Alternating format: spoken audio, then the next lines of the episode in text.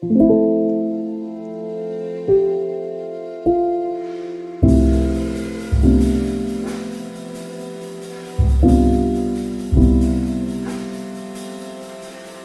det att prata om allt? Är det till och med nödvändigt? Det här är en podcast som utforskar påståendet att hälsosamma relationer börjar med att våga säga som det är. Följ med in i en sårbart stark värld av både tårar och skratt. Varmt välkommen till Pingst Relationer.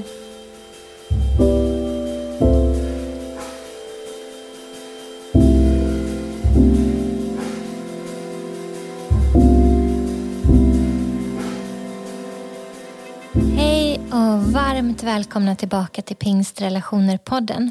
Det är så roligt att du är med. Idag ska vi prata om någonting som är jättesvårt och jätteviktigt, nämligen gränser och hjärtat. Hjärtat pratar vi jättemycket om i kyrkan och vi pratar om det här bibelordet som står i Ordspråksboken 4.23 där det står att mer än allt annat vakta ditt hjärta, till hjärtat styr ditt liv.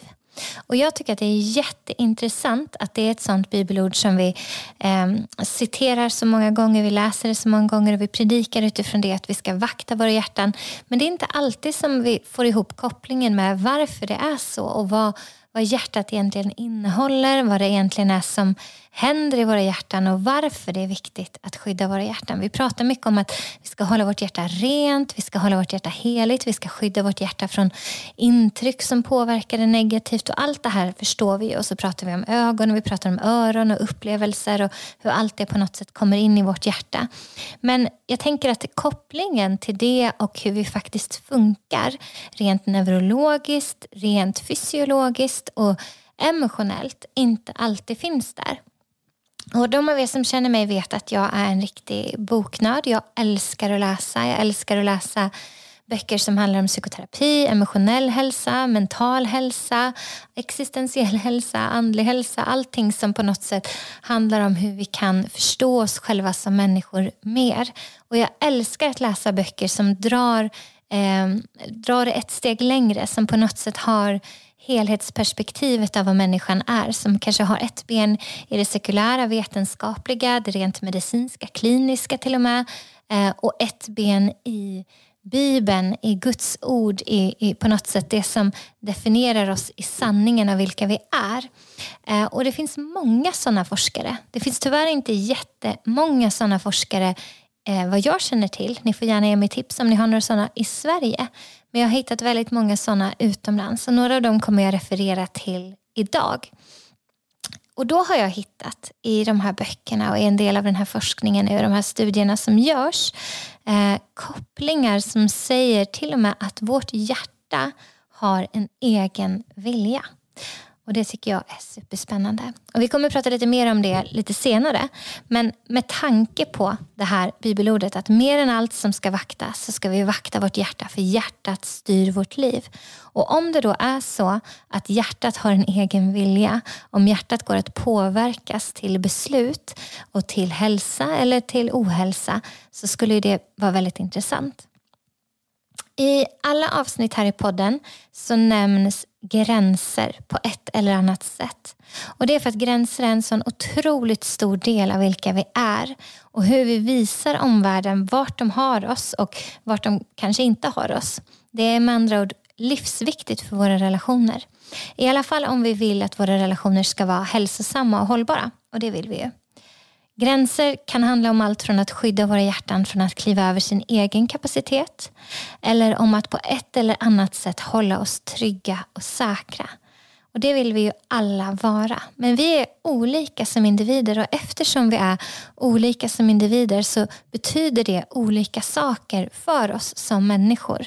Att behöva sätta en gräns på olika områden. Och Vi gör det på olika sätt och vi har också olika sätt att relatera till andra människors gränser. Och Därför är det jätteviktigt att vi parallellt med gränsdragning och insikt om hur vi fungerar också hela tiden förstår vilka vi är i relation till informationen vi får till oss. Annars så blir det så mycket trubbiga verktyg. De blir inte så skarpa. Så man kan liksom inte göra tvärsnitt och generaliseringar av det som kommuniceras i en sån här podcast och säga eh, om jag applicerar det exakt som hon sa så blir det rätt. Utan du måste förstå vem du är, vad som driver dig, vad som är dina kanske försvarsmekanismer, vad som är dina erfarenheter, vad du har med dig i ryggsäcken i form av både verktyg och bördor. Både eh, erfarenheter och stenar.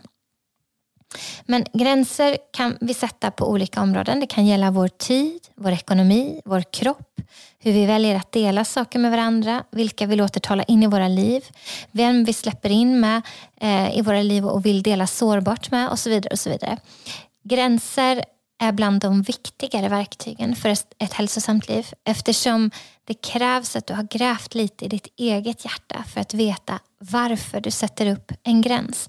Om vi vet det om oss själva, varför vi har behov av en gräns på ett visst område, så gör det relationerna så mycket lättare och processerna så mycket smidigare. Människor som har väldigt skarpa gränser men som inte har utforskat sitt varför kan ibland upplevas som väldigt hårda och svåra att nå och i slutändan ganska otrygga. Och människor som inte har några gränser alls Eh, kan upplevas som väldigt osäkra och otrygga de med. Så det är viktigt att veta att oavsett hur man fungerar som person så är gränser någonting som behövs. En grej som jag skulle vilja slå hål på gällande gränser redan i början det är att, att ha gränser det är inte att vara ohyfsad. Du är inte otrevlig om du sätter upp en gräns. Det gör dig inte hård, det gör dig inte kantig, det gör dig inte till någon som är svår att relatera till utan tvärtom så gör det dig tydlig och trygg. Och tydlighet gör dig tillitsfull och är du tillitsfull så mår dina relationer så mycket bättre. Min man är ett väldigt bra exempel på någon som är väldigt tydlig med sina gränser. Man vet alltid vart man har honom och man vet alltid vart man inte har honom.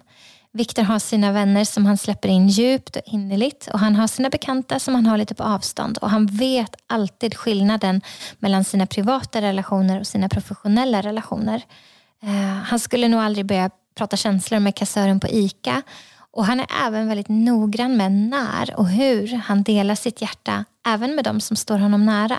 Det ska vara rätt tillfälle och rätt omständigheter för att det ska vara tryggt för honom. Men Viktors sätt att sätta gränser det utgår ifrån vem han är. Och mitt sätt att sätta gränser det utgår ifrån vem jag är. Så det krävs återigen självkännedom för att veta hur och var vi som individer behöver sätta våra gränser. Det finns alltså inte ett rätt sätt att sätta gränser utan många rätt sätt. Och nyckeln blir att veta vem du är, vad du behöver, vad som är tryggt för dig, vad som är sårbart för dig, hur du funkar som person och vad du behöver i en relation för att må bra och känna tillit. Om jag skulle sätta gränser på samma sätt som Viktor så skulle det inte funka för mig eftersom vi är två helt olika och de som känner oss brukar säga väldigt, väldigt olika och unika personer. Och om han skulle sätta gränser på samma sätt som mig så skulle det absolut inte funka för honom. Jag har övat på att sätta gränser mer eller, mer eller mindre konstant de senaste 15 åren. Med varierat resultat ska tilläggas.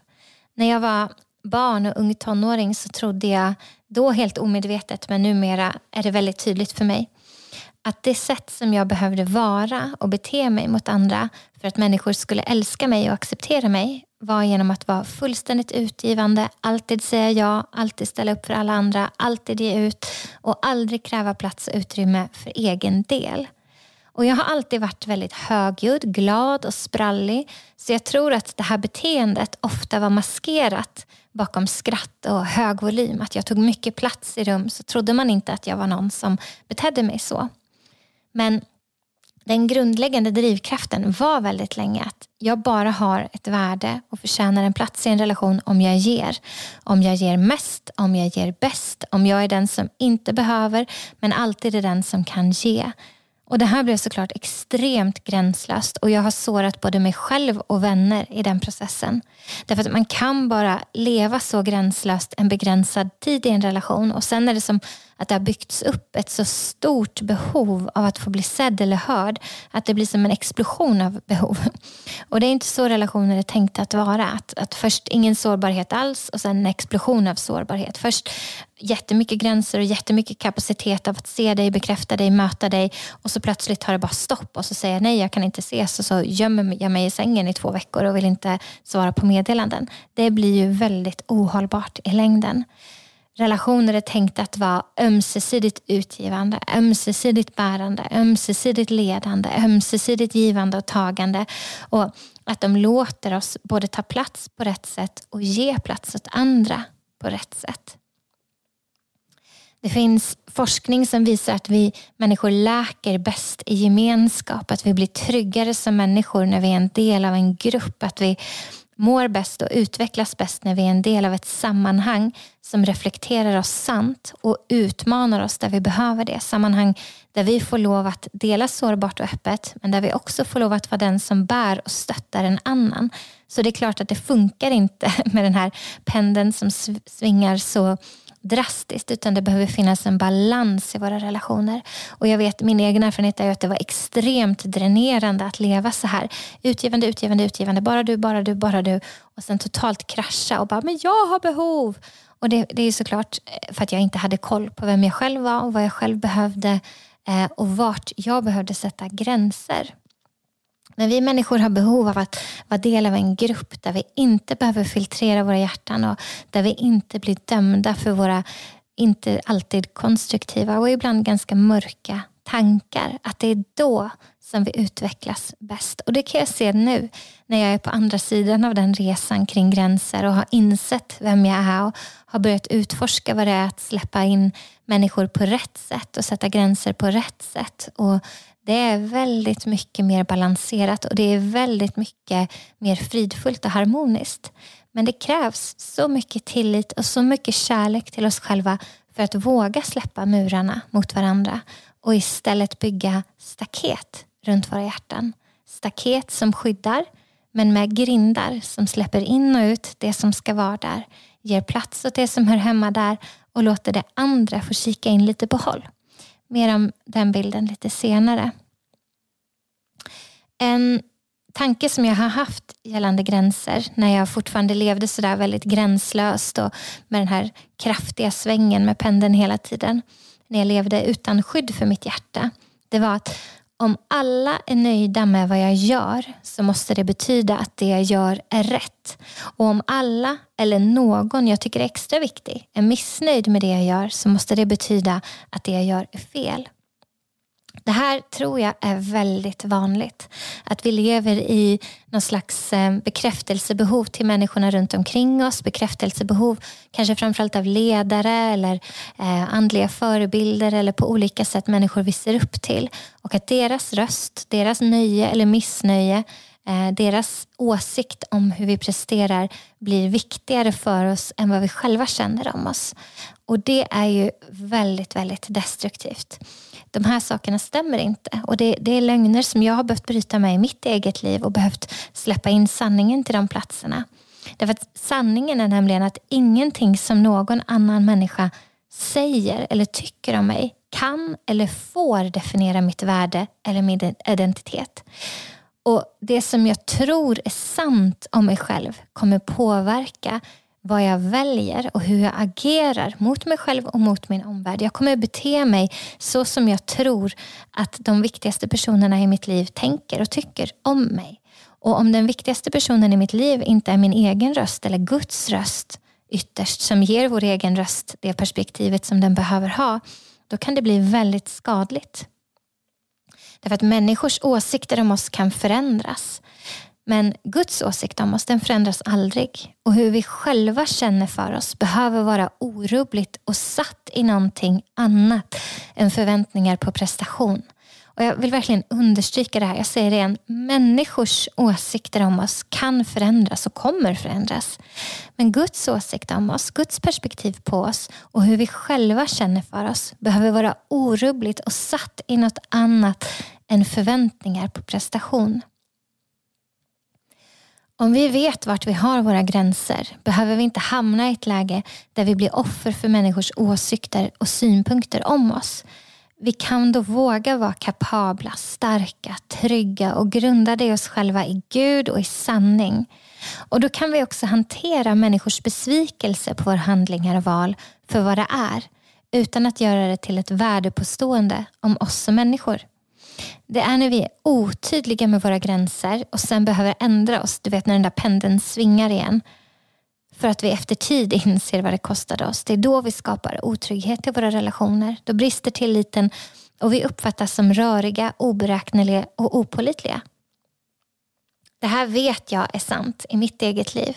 När jag har levt gränslöst, då har det uppfattats som väldigt oberäkneligt bland mina vänner. Och det är faktiskt till och med de som har vågat genom åren i mina tonår säga det till mig. Och jag hade noll kapacitet att förstå vad det betydde. För jag var ju den som gav till alla. Jag var ju allas tjänare, allas slav nästan. Jag var ju den som gjorde vad som helst för någon annan. Men vi vänjer människor vid vad de kan förvänta sig av oss och vad de kan se är sant om oss. Och liksom på något sätt, det här är det, så som du alltid kommer att dyka upp eh, för mig genom hur vi behandlar oss själva och hur vi behandlar dem. Så när jag hela tiden betedde mig så, då var det vad som förväntades av mig. Så när jag plötsligt då blev otillgänglig, då skapade det en opolitlighet hos mina vänner som tyckte att men hur kan vi lita på dig? Hur kan vi räkna med dig? Det här är inte hållbart. Och Det fick mig att verkligen behöva börja jobba på och titta på de här bitarna. Och framförallt titta på vad var anledningen till att jag betedde mig så? Vad av det var min personlighet? Vad av det var eh, mina erfarenheter? Vad av det var skyddsmekanismer från saker som kanske hade hänt mig eller saker jag hade varit med om? Och vad av det var helt enkelt omognad? För det ska vi också säga. Allting kan inte skyllas på personlighet eller eh, trasighet eh, i, i liksom uppväxt och sådana saker. Utan en del är också bara omognad och brist på självinsikt. Och det är väldigt viktigt att våga se det. Så vad gör gränser för oss? Varför behöver vi dem? Jo, gränser skyddar oss. De säger vad är mitt? Vart börjar mitt? Vart börjar ditt? Vart slutar mitt? Vart slutar ditt? Vad är skillnaden mellan det som är ditt och mitt? Och hur vet jag vart den gränsen går? Gränser håller kärleken, eller det viktigaste, tryggt. Det skyddar allt det som finns på insidan av oss. Gränser tillåter oss att veta vart du slutar och jag börjar så att jag inte kliver över in på ditt område utan att vara inbjuden dit och att jag inte låter dig kliva in på mitt område utan att du är inbjuden dit. Gränser visar oss vart vårt ansvar är och vad vi behöver ta hand om. Det som är innanför min gräns, det är mitt område och det behöver jag ta ansvar för. I första Mosebok eh, 1 och 28 så kan vi se hur Gud välsignade människorna och avskilde deras område, avgränsade deras område i trädgården. Han gav dem ett ansvar och ett tydligt mandat över det som var där innanför. Det som var där innanför, det hade de ett uppdrag att ta hand om. Så vi kan se att det här är någonting som är inbyggt i strukturen ända från första början. Gränser beskyddar och försvarar våra relationer med varandra och oss själva. Utan en gräns i ett äktenskap så skulle otrohet vara accepterat. Utan gränser i föräldraskap så skulle vi inte ha koll på vårt ansvar som föräldrar eller vårt ansvar att skydda barnen. Om du skulle föreställa dig att ditt liv är en stad eh, eller att ditt liv är en, eh, eh, ja, men en stad Finns det då någon mur runt staden som är trasig just nu? Och om det finns det, vad är det som gör den trasig? Varför är den trasig? Hur gick den sönder? Om du har en mur som är trasig så kan det betyda att det är en plats där du länge, länge, länge har satt upp gränser på ett destruktivt sätt och sen rivit ner dem på ett destruktivt sätt. Och Då skulle jag vilja tipsa dig om att istället kanske bygga ett staket. Frågor som du kan ställa dig i varje läge för att veta vart du behöver sätta din gräns. När någon ber dig om någonting, till exempel det vad är min roll i den relationen? Vad är min relation till personen som frågar? Och vad är mitt ansvar och hur påverkas det som är mitt ansvar av mitt beslut? Så roll, relation och ansvar. Det är frågor som är så viktiga att ställa sig och det här har jag behövt jobba på jätte, jättemycket. Att inte säga ja till uppdrag som känns jättespännande och roliga om de kostar min familj för mycket. För min familj är mitt primära ansvar och de påverkas av uppdrag som blir kostsamma för dem. Om det kostar i att jag är borta för länge från dem eller om det kostar i att jag kommer sitta upp och jobba sent på kvällarna för att hinna med eh, på olika sätt. Och, och, min roll i relation till den som frågar, då kan man ha exemplet som att är det en jätte Ehm, är det min chef, liksom? är det en högt uppsatt person som ber mig göra någonting, då är det större chans att jag behöver säga ja och jag väljer att säga ja än om det är någon som jag aldrig har samarbetat med, någon som eh, jag inte har en professionell relation till och som egentligen inte har någonting att säga till om hur jag ska prioritera min tid. Då kan jag behöva sätta gränsen på ett annat ställe. Eh, och sen det här med relation. Vad är min relation till personen som frågar? Det kan man ha som ett exempel med sina vänner. Att är det en av mina bästa vänner, är det en nära vän som säger jag behöver prata nu, kan du ringa upp mig? Ja, men då kanske jag släpper allt, säger till Viktor att ta barnen och går iväg till ett enskilt rum och, och tar det samtalet oavsett vad det kostar. För att relationen är så viktig. Och är det en person som jag inte har i min närmsta krets utan någon som jag har längre ut i min, i min vänskapskrets och som ber mig om, om tid som är en väldigt dyrbar valuta, eh, då kanske jag säger absolut, jag kan prata, men jag kan prata på den här tiden och så här länge och så behöver jag sätta en tydlig gräns. Gränser är inte bara att kunna säga nej. Det är så mycket mer än så. Det är att kunna säga ja till rätt saker också. Att kunna ta plats och be om plats vid rätt tillfälle. Det är att kunna prioritera rätt och det är att lyssna in hjärtats röst som inte bara ser vart vi är nu utan även vad vår kapacitet är baserat på historik, kalkylerad och genomtänkt information och vetskapen om hur vi fungerar och vad som driver oss. Så att, att sätta gränser det är att kunna lyssna in hjärtats röst. Och Det här är någonting som jag tycker är så spännande. Därför att vi pratade lite om hjärtat och gränsdragning här tidigare och att eh, man skulle kunna tänka på skillnaden mellan en gräns och en mur. En gräns runt ett hus kan markeras med buskar runt om, pinnar i marken som markerar tomtgränsen eller ett staket som kanske är en bra bild i det här. Det blir väldigt tydligt vart mitt slutar och vart ditt börjar. Grindar i staketet som släpper in och ut det som ska vara där. Man välkomnas in genom grinden och man är välkommen inbjuden att knacka på och ställa frågan, får jag vara här? Murar däremot, de ger ett tydligt budskap av att håll dig borta, håll dig ute. Du är inte välkommen här och det som finns här inne är inte tillgängligt för dig. Du har inte tillträde.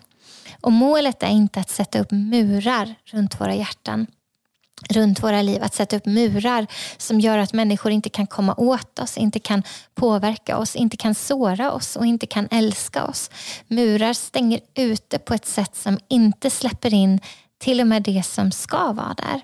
Medan staket med grindar i sig, det blir ett inbjudet intryck som säger att jag är trygg och jag är tydlig, men jag är inte hård Eh, och eh, vass som en mur kan upplevas. Utan jag är tydlig och, eh, tydlig och trygg. Och du är välkommen in genom grinden och du är välkommen att knacka på och fråga dig fram. Och Jag skulle vilja att ni har den bilden när ni funderar på era egna liv, när ni funderar på hur det ser ut med gränser i mina, mitt liv. Har jag eh, gränser? Har jag staket eller har jag murar? Har jag en hård, vass, kantig Eh, Eh, fasad som säger du är inte välkommen här? Eller har jag ett staket med en grind i som skyddar men släpper in, skyddar och släpper in? När vi pratar om det här med att låta oss älskas väl, låta oss bli sedda på riktigt, låta oss leva sårbara liv så är det viktigt att komma ihåg att vi kan inte älska andra väl om vi inte älskar oss själva väl. Att älska oss själva väl är nämligen bland annat att kunna sätta gränser. Och det finns en stor risk att vi kliver över andras gränser om vi själva är slarviga med våra egna gränser. Och om vi inte har gränser runt våra hjärtan så låter vi, oss inte bli själv, låter vi inte oss själva bli älskade på riktigt för de vi är eftersom vi inte då låter oss bli sedda på riktigt. Om vi inte har uppfattningen att både mitt nej och mitt ja är värdefullt. Att jag är mer älskvärd när jag blir sedd fullständigt och en del av att bli sedd fullständigt är att säga nej, här behöver jag en gräns det här är vilken tid jag har. Det här är hur jag behöver prioritera för att min familj ska må väl. Ibland så tror vi att när vi säger nej så blir vi mindre älskvärda. Men det stämmer inte. Därför att när vi säger nej av rätt skäl och sätter en gräns av rätt skäl så blir det att vi låter andra se vad vår kapacitet är. Och det är sårbart och det är starkt och det är fantastiskt. Så vi behöver gränser för att skydda våra hjärtan. Och vi läste tidigare Ordspråksboken 4.23 som säger att mer än allt annat vakta ditt hjärta för hjärtat styr ditt liv. Och nu kommer det en del som jag vet att några av er har varit nyfikna på. Vi har pratat om att följa hjärtats röst och det är inte att köra över det som är rimligt och genomtänkt. Att följa hjärtats röst det är att lyssna in både tanke, känsla och instinkt. Att veta vem du är, att veta ditt nej, att veta ditt ja, att veta dina gränser och var din öppna hand är, vart du har kapacitet att släppa in mer, vart du har kapacitet att ge mer och vart du behöver hålla tillbaka och där du behöver stänga grinden.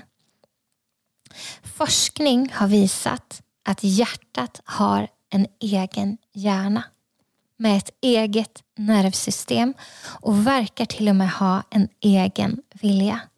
Håll i dig nu för nu kommer jag läsa innan till ganska mycket. Men det kanske är på grund av det här, att hjärtat faktiskt har en egen hjärna som gör att det är så viktigt att vi tar hand om vårt hjärta, vakta det. Varför Gud har skrivit in det som ett så viktigt budskap genom Bibeln att vakta ditt hjärta. Hjärtat styr ditt liv. Kanske det är därför det är så viktigt att vi skyddar det och ser till att det har goda förutsättningar att fatta bra beslut. I boken eh, och i, i forskningsstudien The Heart Math Solution, The Institute of Heart Maths revolutionary program for engaging the power of the heart's intelligence av Doc Children, Howard Martin och Donna Beach så skriver de att hjärtat har sina egna signaler och skickar de signalerna till vår kropp.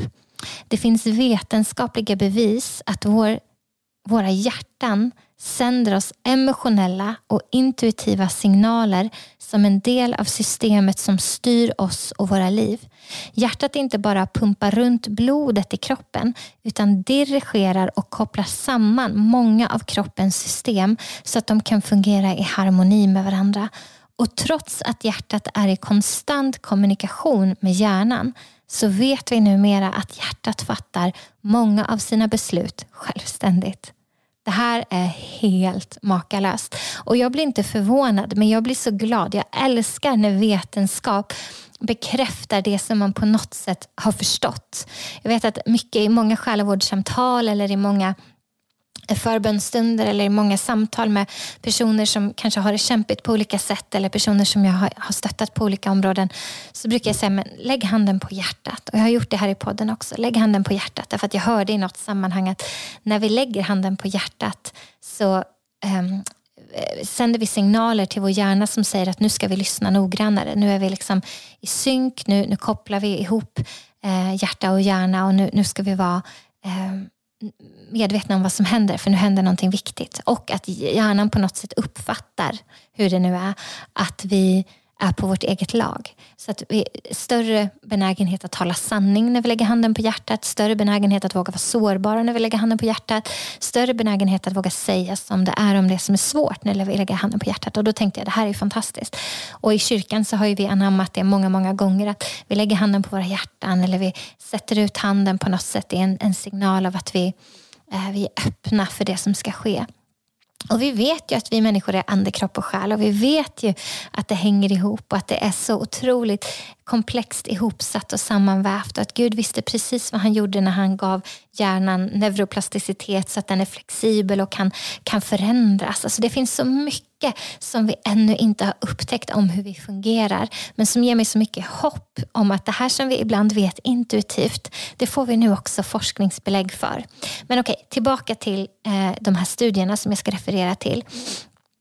Ehm, I en studie som gjordes av John och Beatrice Lacey redan på 70-talet kunde de se att när hjärnan sände order till hjärtat genom nervsystemet så svarade inte alltid hjärtat med att lyda utan gav respons på ett sätt som visade att hjärtat kunde resonera som om det var drivet av sin egen distinkta logik.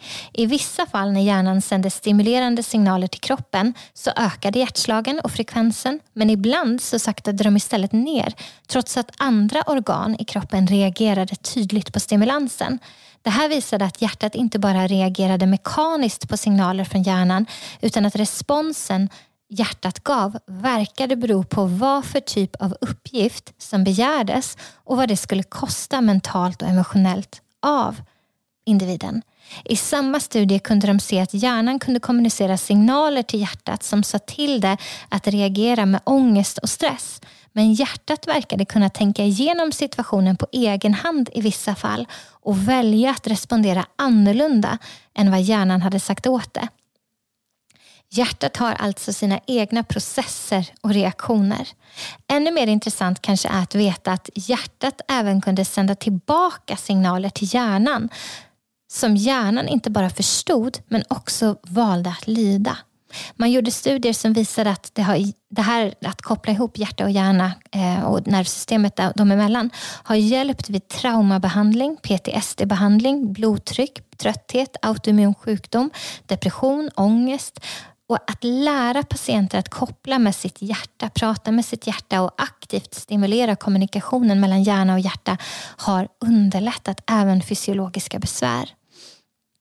J. Andrew Armour är en neurokardiolog som upptäckte att hjärtat har sitt eget oberoende nervsystem i en forskningsstudie som han publicerade 1991. Ett komplext system som refereras till som hjärtats hjärna. Hjärtat börjar slå i ett ofött barn innan hjärnan är formad och det här krossar vår idé om att det är hjärnan som har kontroll över allting. Hjärtats eh, komplexa hjärna och nervsystem överför information tillbaka till hjärnan i kraniet och det här skapar en tvåvägskommunikationssystem mellan hjärnan och hjärtat. Signalerna som sänds till hjärnan påverkar många områden och funktioner i amygdalan, hypotalamus och hjärnbarken. Det här var då fritt översatt till svenska från den här boken The Heart Math Solution som kommer finnas i, eh, i podcastavsnittet så kommer den refereras till och de här studierna som jag refererade till för den som är sugen på att eh, utforska det här mer. Men för den som är intresserad eh, av att läsa mer så rekommenderar jag framför allt den boken för den är den mest lättlästa av alla de här som jag har läst. Vissa av dem blir väldigt, väldigt kliniska så jag har tagit ut små referat från dem och översatt till svenska så där har vi ibland lite kanske konstiga formuleringar. Men det här är för mig så intressant och spännande. Vi pratar om att skydda och vakta vårt hjärta, att sätta gränser, att lyssna in hjärtats, hjärtats röst, att veta vilka vi är och vad vi behöver och varför vi behöver sätta gränser på olika områden. Och så ser vi här nu att forskning backar upp. Jag blir alldeles så pirrig i magen när jag tänker på det. Forskning backar upp det. Så många av oss som kanske har jobbat med det här med hjärtat och att lyssna in hjärtat eh, och kanske blivit betraktade som ganska flummiga på det området. Nu får vi vetenskaplig backning och det känns så fantastiskt. Jag tycker att det är jätte, jätte, jättespännande. Så vi har etablerat att gränser är viktigt. Att det är viktigt att känna sig själv, att vi behöver gränser, att vi behöver dem för att skydda vårt hjärta. Att gränser är någonting som skyddar det som är det viktigaste, att det gör oss tydliga och tillitsfulla i våra relationer. Vi har konstaterat att hjärtat verkar ha sin egen vilja, sin egen eh, på något sätt tankeprocess och att hjärtat är någonting som är mer komplext än vad vi vet om. Så det är viktigt att inte underskatta kopplingen mellan hjärta och hjärna. Men vad gör vi då när människor kliver över våra gränser? När de inte hedrar gränsen som vi ger dem? Hur kan vi fortsätta bygga förtroende och tillit i våra relationer trots att människor ibland eh, inte väljer att respektera våra gränser? Jag tror att vi behöver vara medvetna om att människor har fri vilja, precis som vi har fri vilja. Så ibland så kommer de att kliva över våra gränser. Och om de väljer att inte respektera den så har vi valet att omdefiniera hur vi anser att ett lyckat resultat är. För vi kan aldrig kontrollera andra människor och inte heller kontrollera om de kommer respektera våra gränser. Gränser hedras av fri vilja. Det är först då som tillit byggs. Och då byggs en relation. Men om någon du har satt en gräns emot kliver över den så betyder det inte att det var du som misslyckades med att sätta och hålla gränsen. Men det kan innebära att du kan behöva omdefiniera vad det innebär för dig att sätta gränser på ett lyckat sätt. Vad menar jag med det här? Jo, jag menar att det enda och den enda du kan kontrollera är dig själv. Så det du har makt, mandat, inflytande och kontroll över, det du kan påverka, det är om du var sann mot dig själv, om du inte övergav dig själv och gjorde våld på dig själv i processen, om du satte gränsen, om du höll gränsen, om du var tydlig, om du kommunicerade. Och då är det ett lyckat resultat. Sen vad andra människor gör, det är utanför din kontroll. Ditt ansvar är ditt eget hjärta och ditt uppdrag är att sätta och hålla gränsen du sätter. Om människor kliver över våra gränser och det inte känns tryggt att kommunicera det till dem, för det är inte i alla relationer det känns tryggt att kommunicera det, då har vi ett val att avsluta relationen, att backa från relationen, att säga okej, okay, då kan du inte vara i min innersta krets ifall att du kliver över mina gränser på det här sättet. Och så har vi ett val att backa. Vi kan aldrig kliva in och tvinga dem till att hålla våra gränser. Och Det kan vara väldigt svårt. Men det handlar också om självkännedom och självinsikt och, och att veta vem man är. Att veta när man är i ett läge där man gärna vill kontrollera. Att kunna släppa på den kontrollen då och säga vad är ett lyckat resultat av det här samtalet? Hur kan jag vara sann mot mig själv och inte släppa på det som jag har satt upp och, och på något sätt gett mitt hjärta som ett skydd? När vi tänker på gränser och andra människor och vad vi kan göra i relation till dem så tänker jag mig att vi på något sätt har den här bilden av, vi som tror på Gud, att så som Kristus är, så är också vi i denna värld, som det står i Bibeln. Och så som Kristus är, så vill också vi vara. Och Gud är väldigt tydlig, väldigt pålitlig, väldigt trygg och väldigt sann. Till och med Gud har gränser. Gud är väldigt tydligt avskild med hur Gud är. Det, det, är liksom inte någonting som är vind för våg eller föränderligt. Gud är densamma igår och idag och i evighet. Förändras inte, konstant samma. Och I Bibeln så lär vi oss att Gud är kärlek. I första Johannes 4 och 16. Så om det inte är kärlek, då är det inte Gud. Det är vad vi lär oss om den gränsen som Gud har. Är det inte kärlek så är det inte jag. Och i Johannes 1 så lär vi oss att Gud är ljus. Så är det inte ljus, då är det inte Gud. Det lär vi oss. Gud lär oss att han är sanning, att han är liv, att han är frihet, att han är helhet och så vidare. och Så vidare. Så om det inte är det, om det är lögn och det är ah, trasighet och allt det här, då är det inte Gud. Så Gud har gränser och är jättetydlig med sina gränser.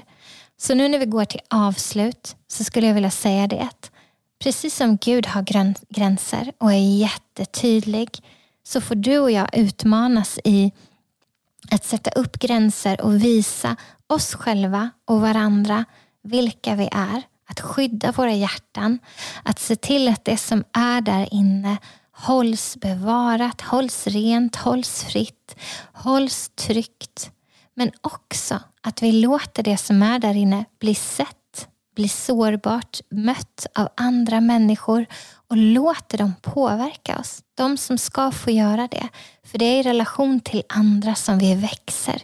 I relation med andra och där vi låter oss bli sedda som vi faktiskt kan läka. Så om du finns där ute som känner att ditt hjärta har blivit så trampat på, så sårat så många gånger av gränslösa människor, så vill jag bara säga till dig att jag är så ledsen att du har behövt vara med om det. Jag är så ledsen att ditt hjärta har trampats på, stampats på och trasats och dragits genom gruset. Jag är så ledsen att dina erfarenheter har gjort att du inte visste hur du skulle hålla upp dina gränser och skydda ditt hjärta. Jag är så ledsen att människor har utnyttjat ditt vackra hjärta av att vilja tjäna och vilja ge och vilja vara den som finns där för andra. Men att människor har utnyttjat det till en punkt då du inte har känt dig trygg. Jag är så ledsen att det här med gränser har känts så skakigt och opolitligt. Jag är så ledsen om människor har hållit dig emot dig när du har sagt nej eller hållit dig emot dig när du har sagt ja och inte respekterat din tydlighet. Du är värd så mycket bättre än så. Tack så mycket för att du har lyssnat. Tack för att du gick med mig på den här jag vet att det var mycket läsa innan till där med all forskning och hjärtat och allt vad det var. Men jag är så, så glad att du var med på den här resan. Det är så roligt att få göra det här tillsammans med er. Hör gärna av er. Följ podden på pingstrelationer på Instagram. Eh, skriv gärna meddelanden. Det är jättekul att få höra ifrån er. Jag ser fram emot att mötas snart igen. Hej då.